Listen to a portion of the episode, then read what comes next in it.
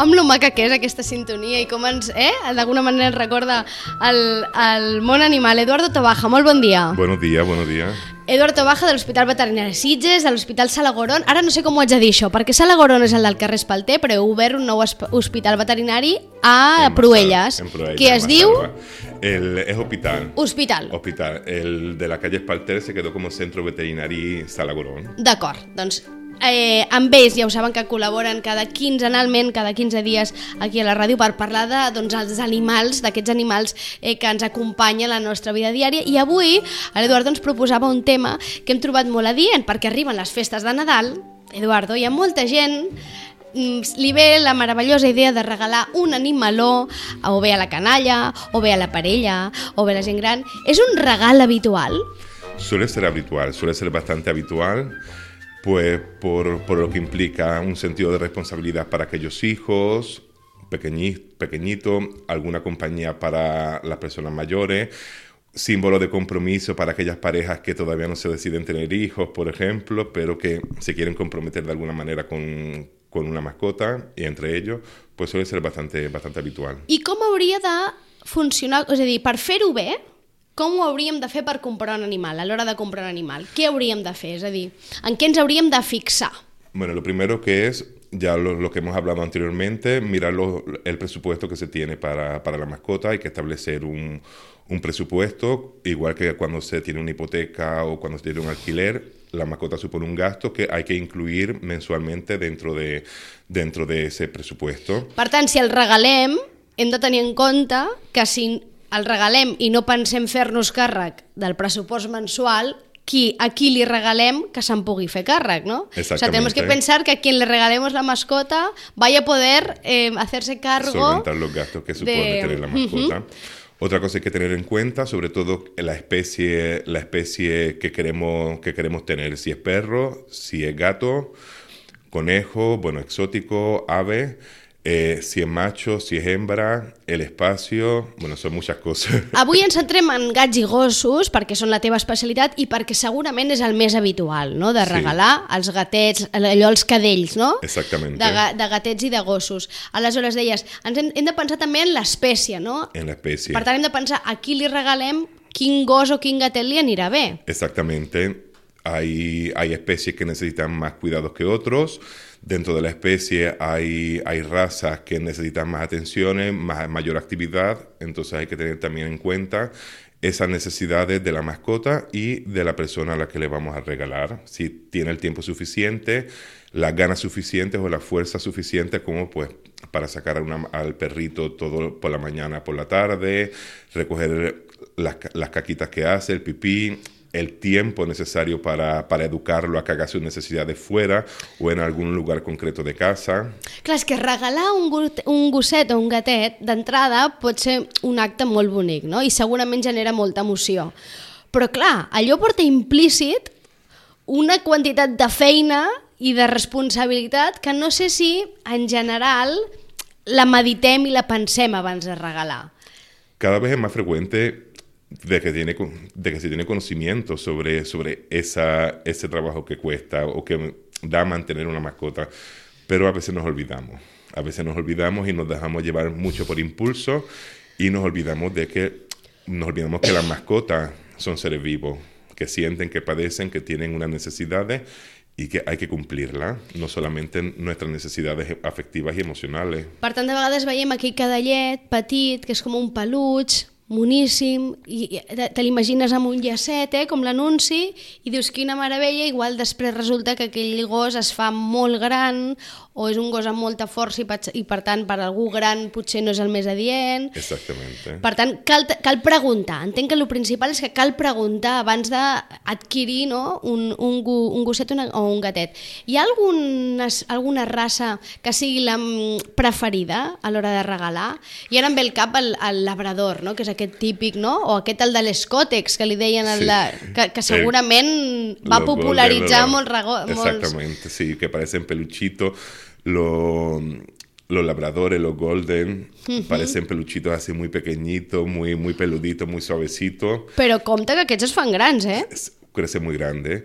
Eh, bueno, bastante grande. Luego los chihuahuas también suelen ser algo habituales por su tamaño. Los Yorkies también suelen ser algo habituales. Eh, pero bueno, que hay, hay, muchas razas, sobre todo también hay que tener muy, muy en cuenta que a la hora de comprar un animal, una mascota, la genética es muy diferente y juegan muchas malas pasadas. Los padres pueden ser muy pequeñitos, pero los abuelos también están por ahí, los genes de los abuelos. Entonces, un que, dos que dos perros pequeñitos tengan un, un, la cria no significa que esa cria sea igual de pequeñita que los padres.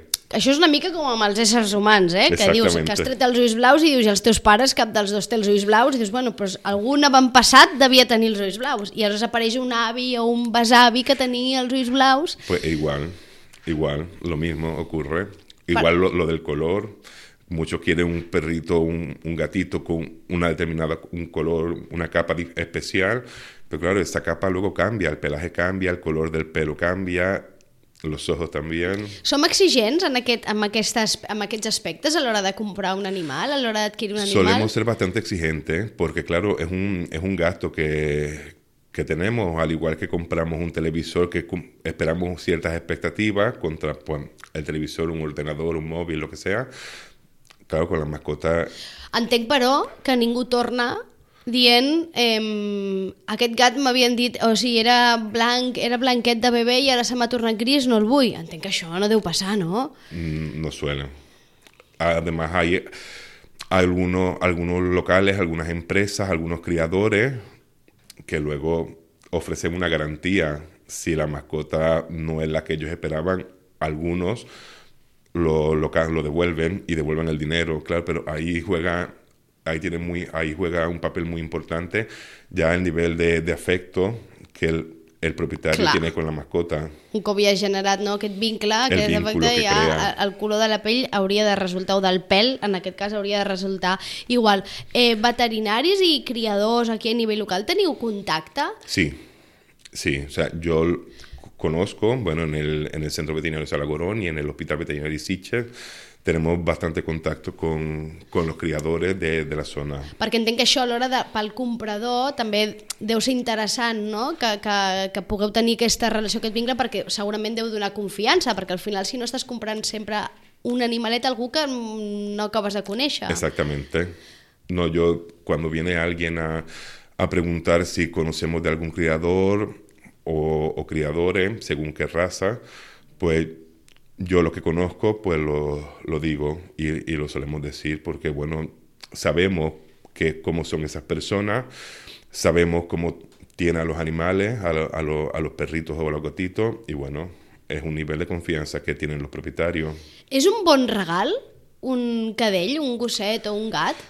Si se va a mantener adecuadamente, sí, sí, porque, bueno, ofrecen una compañía muy diverso, muy divertido, dan, dan afecto, cariño.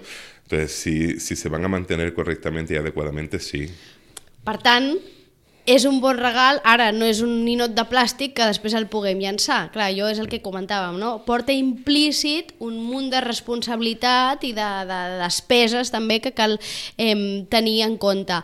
Eh, el tema, quan un compra un, un animal o adquireix un animal, en aquest cas un gas o un got, què ha de preguntar, en aquest cas si el compra un criador, pel tema de les vacunes, pel tema de, de l'estat de salut de l'animal, en què s'ha de fixar que, i si i, i, o què ha de fer per tal de, de garantir que està regalant un animal amb les condicions eh, bones, adecuades? Bueno, lo primero que hay que hacer es asegurarse que la mascota está en unas condiciones, bueno, durante el periodo de lactancia y de crecimiento de esas primeras etapas del cachorro, que la mascota ha estado en unas condiciones óptimas, higiénicas, sanitarias, muy buenas. Segundo, que haya sido detectado a tiempo o en la época correcta, hasta los 60 días deberían estar lactando, o sea que no se debería regalar animales o comprar animales que no hayan sido detectados antes de los dos meses de, edad, que tengan las vacunas adecuadas puestas en el momento, en el momento correcto, lo mismo que la desparasitación.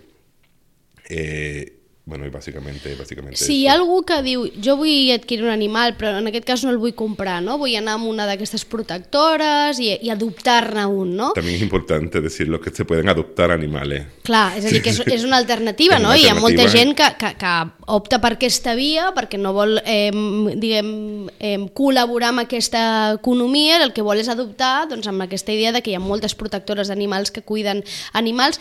Les preguntes han de ser les mateixes, en aquest cas és diferent, perquè clar, moltes vegades quan adoptes un ja són més grans, moltes vegades, no? Pueden ser parecidas, pueden ser parecidas. Nosotros, por ejemplo, también hemos colaborado y colaboramos con una protectora, ¿vale? Esa protectora, conocemos la- las medidas de, de higiene y de salubridad, atendemos los casos clínicos de esa protectora y, bueno, sabemos que están debidamente vacunados y desparasitados. Eso hay que asegurarse, a lo- igual que se compra un cachorrito o una mascota pues en alguna tienda con algún criador, en el momento de la adopción también es importante. Em, per algú que pugui estar plantejant-se la idea de regalar un gosset o un gatet, si té dubtes, venir a vosaltres, als veterinaris, també és un, una possible solució, és a dir, vosaltres sabreu aconsellar-vos i dir, doncs, mira, això és el que has de preguntar, perquè, clar, potser no és el lloc on s'adquireixen, però sí on pot resoldre dubtes. Sí, sí. Siempre sería, además es lo ideal, es lo ideal antes de lanzarse a buscar por internet los típicos comentarios que en internet se encuentran de todas las respuestas, pero claro, también esas respuestas algunas son contradictorias, algunas se, algunas se complementan, pero no son profesionales o no suelen ser profesionales, salvo algunas páginas en concretos, etcétera.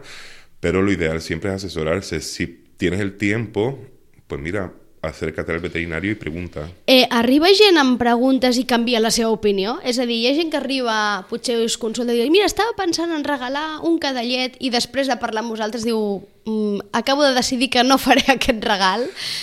Que yo, ten- que, yo, que yo recuerde o que tenga constancia o que me haya pasado personalmente a mí, no. No passa, és a Tampoco dir... puedo as- La, asegurarlo. és a dir, que la gent normalment està, quan vol fer aquest regal ja està convençuda, no? De... Sí.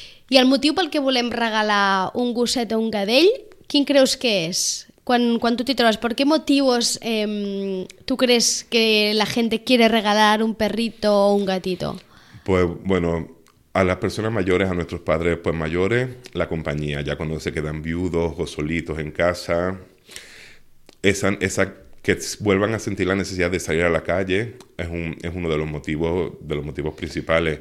Per evitar que es quedin tancats a casa, allò, per evitar aquella cosa, no? i amb un estat potser depressiu o trist, Es- obligar-los a, A hacer cosas. a fer coses. mhm. Eh, también ha pasado de se, se ha muerto una mascota de, de- de sus padres Sí. y bueno, la buscan un- Una otra alternativa. alternativa. Ujú.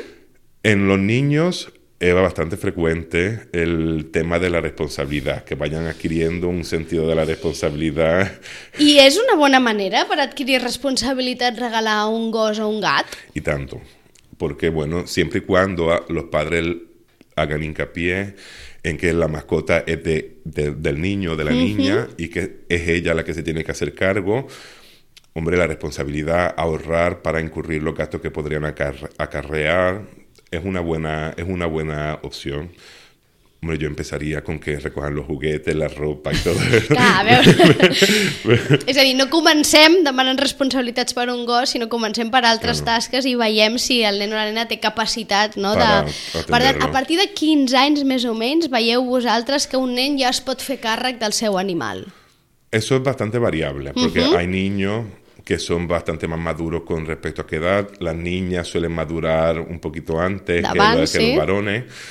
Yo creo que la preadolescencia o adolescencia es una buena... És a dir, vora els 10 anys, 10, Sí. 11, 12 anys, és una bona edat en la que hi ha un, un nen, no?, ja té capacitat per responsabilitzar-se Y además crear un vínculo bueno con, con la mascota. Los niños, al fin y al cabo, los pequeñitos, tienen como tienen un juguete, se aburren fácilmente del juguete. Claro, no es lo mismo todos los días recoger caquita, diarrea cuando hay.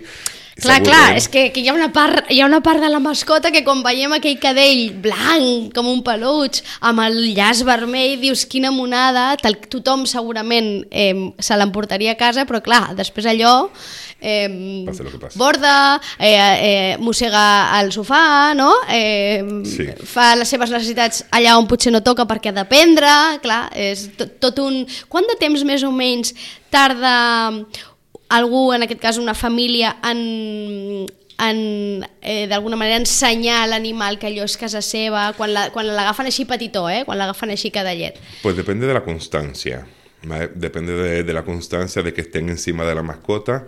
Pero sí que es verdad que entre los tres meses y los nueve meses el, el periodo de aprendizaje de la mascota es bastante, es bastante importante. Entonces, a partir de los tres meses y hasta los nueve la mascota está, está aprendiendo. No significa que a partir de- ya en la etapa adulta eh, la mascota no siga aprendiendo, pero sí va un- tal vez a un, a un ritmo un poquito más lento. Per tant, paciència, eh? que això no és, Molta. cosa, no és d'un dia per l'altre. Per tant, si algú té la sort aquest Nadal de rebre un gatet o un gosset, que es posi molt content, però que no oblidi que allò té unes responsabilitats i que necessitarà paciència perquè li haurà d'ensenyar l'animal moltes coses, però malgrat això, eh, comentaves, Eduardo, que és un molt bon regal, eh? perquè el, el que ofereix a canvi és molt bo, no? Bo- es bonito, es bonito. tot l'afecte, tota l'estima no? i tota eh, la companyia que t'ofereixen aquests animals. Eduardo, moltes gràcies. Nada, gracias a ustedes. Que tingueu molt bones vacances. No sé si feu vacances, No. no gaires, no? Clar, ja és el que tenen aquests serveis, cada vacances no, però en qualsevol cas que tingueu, passeu un bon Nadal, bones Muchas gracias.